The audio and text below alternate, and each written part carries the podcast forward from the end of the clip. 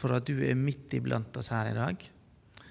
Og må du åpne våre hjerter, slik at vi kan bli åpne for ditt ord. Amen.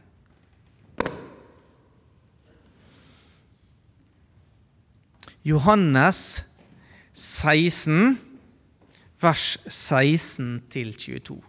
Johannes 16, vers 16 22.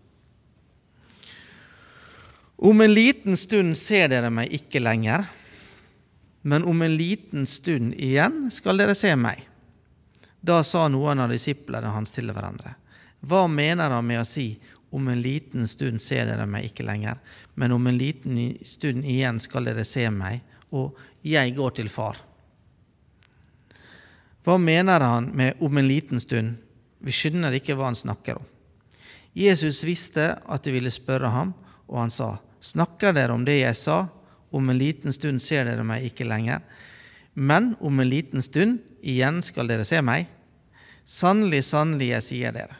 Dere skal gråte og klage, men verden skal glede seg. Dere skal sørge, men sorgen skal bli forvandlet til glede. Når en kvinne skal føde, er hun engstelig, for hennes time er kommet. Men når barnet er født, har hun glemt smertene i sin glede over at mennesket er kommet til verden. Også dere er engstelige nå, men jeg skal se dere igjen, og hjertet deres skal glede seg, og ingen skal ta gleden fra dere. Amen. Gud er kjærlighet.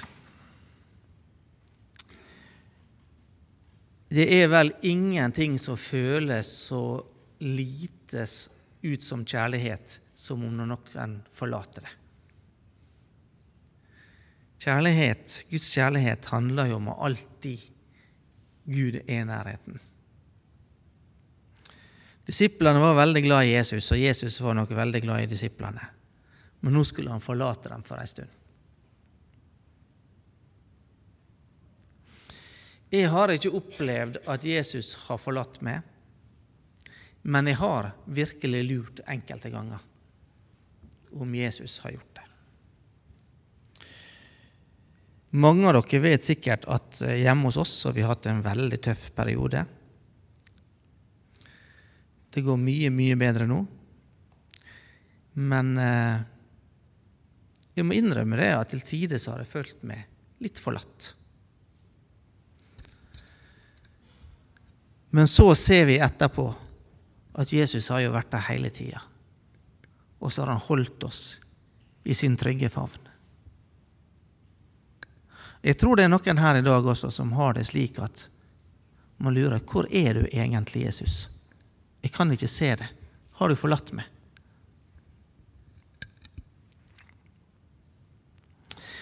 Ja, da er det vel på tide å begynne talen. Var ikke det noen hyggelige oppmuntra nå til å begynne med?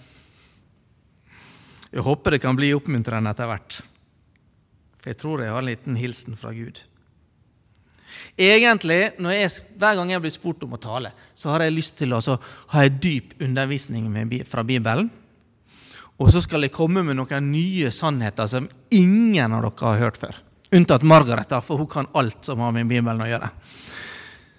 Og så skal dere gå hjem og så skal si Wow! For en tale! For en undervisning! Dette der har jeg aldri tenkt på før.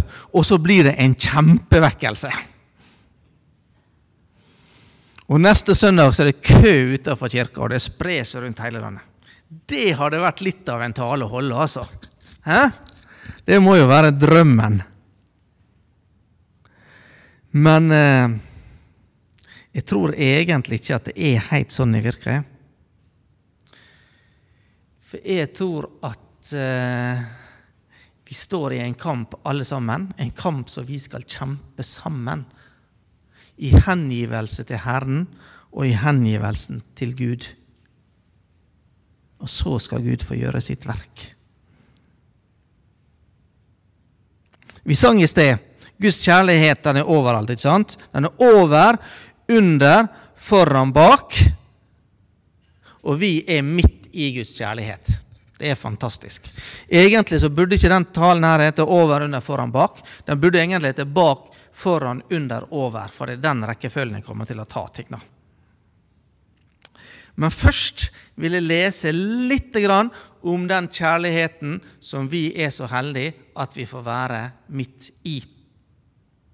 Også når vi føler oss forlatt. I eh, Efeserne kapittel 3, vers 14 og utover. Efeserne 3, 14 og utover. Derfor bøyer jeg da mine knær for Faderen, Han som er den rette far for alt som kalles barn i himmelen og på jorden. Jeg ber om at Han etter sin herlighets rikdom ved sin ånd må gi dere å styrkes med kraft i det indre mennesket at Kristus må bo ved troen i deres hjerte, for at dere er rotfestet og grunnfestet i kjærlighet, sammen med alle de hellige, kan være i stand til å fatte hva bredde, lengde og høyde og dybde er. Er ikke det fantastisk at vi skal være i stand til å fatte det? Det er så mye flott vi har å hente ut ifra det fellesskapet vi har, og det fellesskapet vi har med Gud. Så står det her at det sammen med alle de hellige skal vi gjøre det, ikke alene og at dere må kjenne Kristi kjærlighet, som overgår all kunnskap, så dere kan bli fylt til hele Guds fylde. Kan vi det, altså? Kan vi virkelig bli fylt til hele Guds fylde? Men Han som kan gjøre mer enn alt, langt utover det vi ber eller forstår, etter den kraften som er virksom i oss, ham være ære i menigheten og i Kristus Jesus gjennom alle slekter og alle evigheter. Amen. Det er fantastisk. Det er høyden og dybden og bredden i Guds kjærlighet. Den er helt enorm og utgrunnelig, men vi skal sammen bli i stand til å fatte den. Guds kjærlighet, den er bak. I går så var jeg um, uh, ute og vandra i mørket, altså i det mørke nabolaget. Det var, det var kveld. Og plutselig så var det akkurat som jeg følte det var noe skummelt bak meg. Det var akkurat som jeg ble forfulgt av et eller annet. Dere har hatt den følelsen noen gang? Jeg var, husker jeg var veldig mørkeredd en stund. Og da hadde det alltid slik at jeg følte det var noe bak meg når jeg gikk i mørket. Men så tenkte jeg jo på talen som jeg skulle ha i dag, så da bestemte jeg meg for å ikke snu meg og se hva det var som var bak meg. Det, jeg, jeg tror ikke det var noe heller. Og så valgte jeg å ha blikket fremover mens jeg vandra. Det er veldig viktig at vi ikke konsentrerer oss om det som er bak oss, det vi har lagt bak oss. Det er så utrolig lett å fokusere på synder vi har gjort, at vi i oss sjøl, uten Kristus, er syndige mennesker og fokuserer på alt det negative. Men jeg tror det er ulydighet. Jeg tror det er å snu seg tilbake og tenke nei, dette der kan ikke Gud ha tilgitt. Det er en form for ulydighet, faktisk. For Gud har sagt at han har tilgitt det som ligger bak oss. Og det er så viktig å legge synda bak oss. Gud, han tilgir. Og ordet tilgivelse det har fått veldig rar mening i det siste, hvis man følger litt mer i den offentlige debatten. Det var en eh, skoleklasse som var på besøk i ei kirke. Og Der var pastoren så frekk at han snakka om tilgivelse. At vi skulle tilgi uansett hva folk hadde gjort mot oss. Og folk var i harnisk. Skal man tilgi? Skal man virkelig tilgi overgrep? Skal man tilgi mord? Skal man tilgi tyveri? Folk som har vært stygge og brukt makt? Vi kan ikke tilgi det. Vi kan ikke akseptere at folk holder på sånn. Men vi skal jo ikke akseptere synden, men vi skal tilgi synden. For vi må se fremover. Sånn som sa Bams far i eh, i Hakkebakkeskogen. Gjort er gjort, og spist er spist. Ja. Men nå må vi se fremover. Ja. Vi, vi, vi får ikke det tilbake. Ikke misforstå meg. Vi skal ikke bare fnyse av synden. For synd er det alvorlig. Og Jeg hadde en skikkelig aha-opplevelse for en del år siden når det gikk opp for meg hvor alvorlig synden egentlig er. For jeg hadde vokst opp med at ja, synder vi, ja, så ber vi om tilgivelse, så er vi ferdig med det.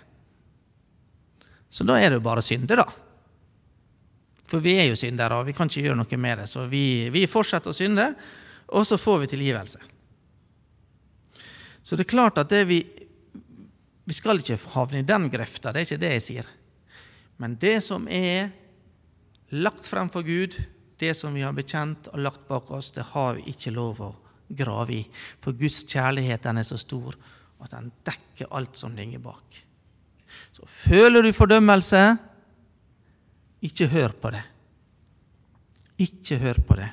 Hør heller på det som ordet sier. 2. Korinterne 5, 17. Dersom noen er i Kristus, er han ny, ny skapning. Ikke sant? Og hva står videre? Det gamle er borte, og det nye er blitt til. Så vi skal ikke grave i det gamle. Greit. Så er det um, foran oss. Guds kjærlighet den er foran oss også. Filipperne 3,13, der står det. Brødre, jeg mener ikke om meg selv at jeg har grepet det, men ett gjør jeg. Jeg glemmer det som ligger bak, så nå er vi ferdig med det. Er det greit? Ja. Og strekker meg etter det som ligger foran. Glemmer det som ligger bak, og strekker meg etter det som ligger foran.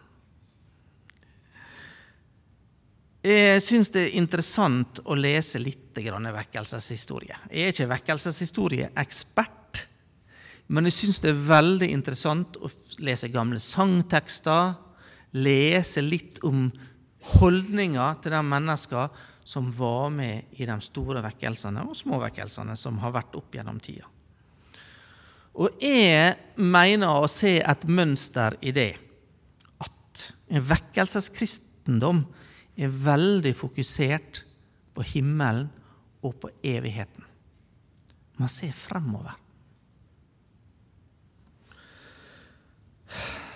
Ja, ikke det at vi ikke skal eh, til dels nyte livet her, men vi må ha evigheten for øynene. Alt vi gjør, det må ha et evighetsperspektiv i seg. Evigheten, det må påvirke livsvalgene våre. Og dette det har gjennomsyra kristendommen voldsomt. Man så fram til å møte Jesus. Man sang om å møte Jesus. Bach skrev til og med en sang i en kantate som heter med, som sier 'Jeg fryder meg i min død', for da skal han møte Frelseren. Så det er hele tida å se fremover. Og det vi gjør her, det må ha evighetsperspektiv. Ikke sant? Hvordan forholder vi oss til vanskelige valg? Tenk hvordan vil dette her påvirke mitt forhold til evigheten? Kan det valget jeg gjør, føre meg, lenger fra Gud? Føre at jeg glemmer Gud, og så mister jeg evigheten? Kjempeviktig å tenke på den hele tida. Og da får livet en veldig fokus på Gud, på Jesus, for da er egentlig evigheten i gang allerede her på jorda. Guds rike er kommet nært.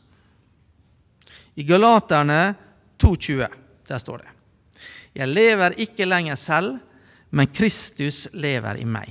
Det livet jeg nå lever i kjødet, det lever jeg i troen på Guds sønn, Han som elsket meg og ga seg selv for meg. Det er jo fantastisk at vi kan gi vårt liv til Jesus. Det er faktisk ikke bare tøft og ja, veldig sånn motvillig at man må gi livet sitt til Jesus. For hva er det man gir, og hva liv er det man får? Man kommer med to tomme eh, hender, med et knust hjerte. ikke sant? Et steinhjerte. Og så får vi et kjøtthjerte og et liv i Herren. Det er egentlig fantastisk det at vi skal få lov å ofre og gi alt til Jesus. Guds kjærlighet, den er under oss. Når vi føler oss forlatt, når livet er tøft, så bærer Han og løfter oss fram. Sjøl om vi ikke alltid føler det der og da. Et barn som har datt og slått seg, kanskje en brokken fot eller hva det skal være, lider mye fortsatt når foreldre eller hvem det er, plukker dem opp og bærer dem vekk. Men kjærligheten og støtten den er der bestandig. Jeg skal lese en salme for dere. Salme 27. Og jeg skal lese hele salmen. Fantastisk salme. Veldig, veldig kjent. Det er David som har skrevet den, og det er litt fascinerende med David, for det, han utgir seg sjøl, han, han, gir av seg sjøl hele tida. Om han har det godt eller om han har det forferdelig, så skriver han om det i salmene, og så kan vi se at til og med han som knuste kjempen Goliat, han også følte seg forlatt av Gud. Herren er mitt lys og min frelse. Hvem skulle jeg være redd for? Herren er mitt livs vern. Hvem skal jeg frykte? Når voldsmenn og fiender nærmer seg for å sluke meg, da snubler de og faller selv. Om en hær vil beleire meg, er mitt hjerte uten frykt. Om krigen truer, er jeg likevel trygg. Én ting ber jeg Herren om, dette ønsker jeg, å få bo i Herrens hus alle mine dager, så jeg kan se Herrens skjønnhet og være i Hans tempel. Han gjemmer meg i sin hytte på den onde dag, han skjuler meg i sitt telt og løfter meg opp på klippen. Nå rager mitt hode høyt over fienden omkring meg. Med jubel vil jeg bære fram offer i hans telt. Jeg vil synge og spille for Herren. Hør, Herre, jeg roper høyt. Vær nådig og svar meg. Jeg minnes at du har sagt, dere skal søke mitt ansikt. Ditt ansikt søker jeg, Herre. Skjul ikke ansiktet for meg. Vis ikke din tjener bort i vrede, du som har vært min hjelp. Eh, Gud, min frelser, forkast meg ikke og forlat meg ikke. Om far og mor forlater meg, vil Herren ta imot meg. Herre, lær meg din vei, og før meg på jevne stier, for jeg er omgitt av fiender. Gi meg ikke over til grådige fiender, for falske vitner står opp mot meg, menn som truer meg med vold. Men jeg vet at jeg skal se Herrens godhet i de levendes land. Sett ditt håp til Herren, vær frimodig og sterk. Jeg setter ditt håp til Herren. På slutten av salmen, som mange andre plasser i Salmenes bok, så roper det etter Herren av en person i krise. Og Da er det alltid godt å gå tilbake til vers 5. For der har jeg lyst til å bo, i vers 5. Han gjemmer meg i sin hytte på den onde dagen. Han skjuler meg i sitt telt og løfter meg opp på klippen. Er ikke det fantastisk? Der er det vi skal få bo. Så når vi har det veldig tøft, og det stormer rundt oss Kanskje vi har til og med skada armer og har fryktelige smerter. Ja. Da kommer Herren og så sier han, 'Bjarne, nå ser jeg du har det tøft, så nå skal vi reise på hyttetur.' Ja. Nå glemmer vi alt, og så reiser vi til hytta mi. Der skal du få ha det godt. Den er står solid planta på fjellet, og her kan ingen nå det. Yes. Så Nå har vi ikke sett bak, men vi har lært at vi ikke skal se bak. Og så har vi sett frem, og så har vi sett ned på Herren som løfter oss opp. Og så, mine damer og herrer, så skal jeg gjøre det som jeg har gledet meg til i hele dag. For nå er det tid for å søke Herren. Jesajas 55, 6. Søk Herren mens han er å finne. Kall på ham den stund han er nær. Andre Korinterne 6, 2. For han sier, På den tid som behaget meg, bønnhørte jeg deg, og på frelsens dag kom jeg til hjelp. Se, nå er nådens tid. Se, nå er frelsens dag. Amen.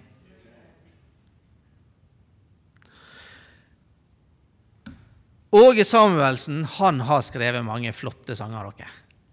Og i en av sangene, der skriver han Alt det du gjør som du ikke må, forsvinner når han setter kraften på. Det er kort og godt og veldig flott sagt. Alt det du gjør som du ikke må, forsvinner når han setter kraften på. Så da slipper vi å ha fokus på synden. Vi kan ha fokus på Jesus. Salme 146. Salme 146. Skal vi se på den.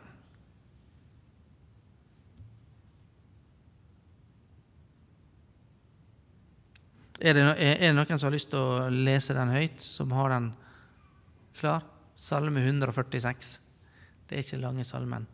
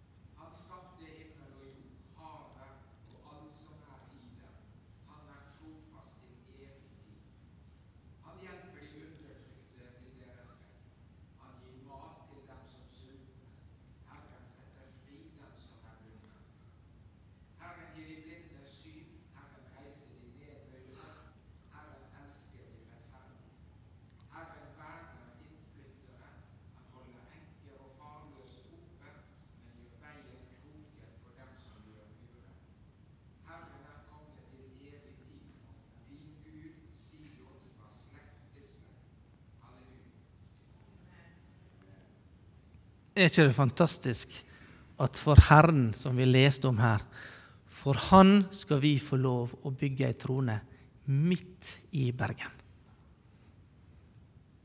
Fordi vi er midt i Guds kjærlighet. Så da kan vi løfte øynene og se opp uten å rødme av skam, fordi Jesu blod har beredt en vei innenfor Guds trone.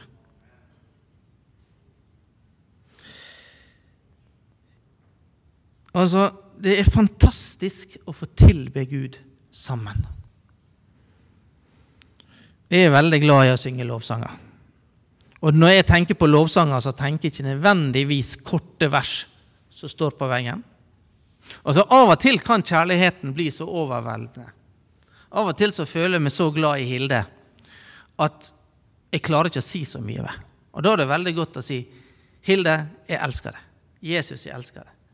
Så enkelte ganger kan korte vers og korte eh, bønnekor også være fantastisk. Andre ganger så vil jeg utøse min ånd for Herren med masse ord. Og da er det godt å ha flotte hymner som andre har satt tekst på og sang på.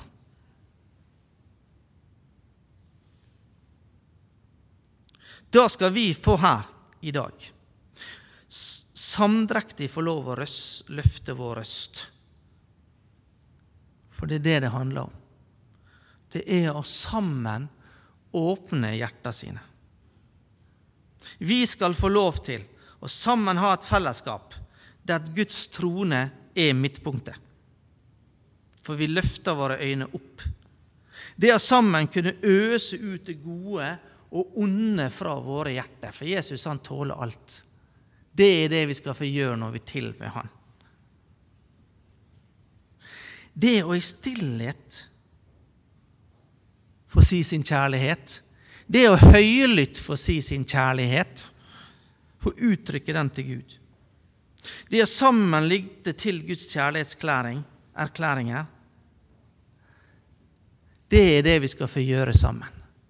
Og jeg tror at hvis vi sammen, ikke bare på søndager, men også samdrektig løfter våre hjerter og våre sinn, der vi er, hver dag, priser Herren og takker Han for vi, det er så fantastisk å leve i Guds nærhet, så skal vi få se mer av Guds nærhet. Det er jeg overbevist om. For en vekkelse begynner ikke med en fin tale. Den begynner med at vi plasserer oss midt i Guds kjærlighet. Og nå skal vi få høre en liten hilsen ifra Gud gjennom en salme som er skrevet, som står i Bibelen. En salme som du sikkert har hørt tusenvis av ganger. Men lukk øynene nå og tenk at dette her er første gangen du hører denne her sangen. Første gangen du hører den orda. For Gud har en veldig hilsen, veldig flott hilsen til akkurat det.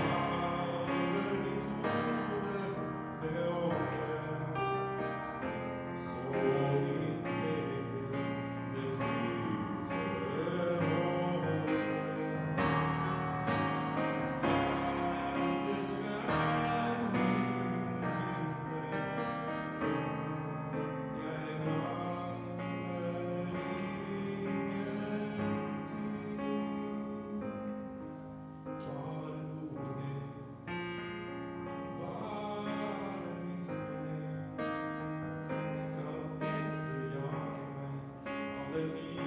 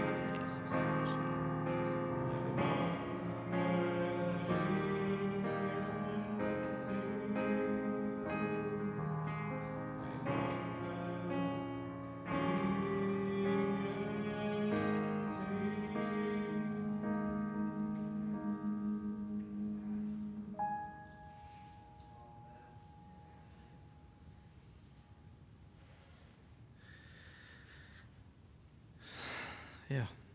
Gud han har gitt oss tilgang til det vi trenger. Forrådslageret det er åpent. Vi har en kilde å gå til. For husk, vi er midt i Guds kjærlighet. Du er midt i Guds kjærlighet.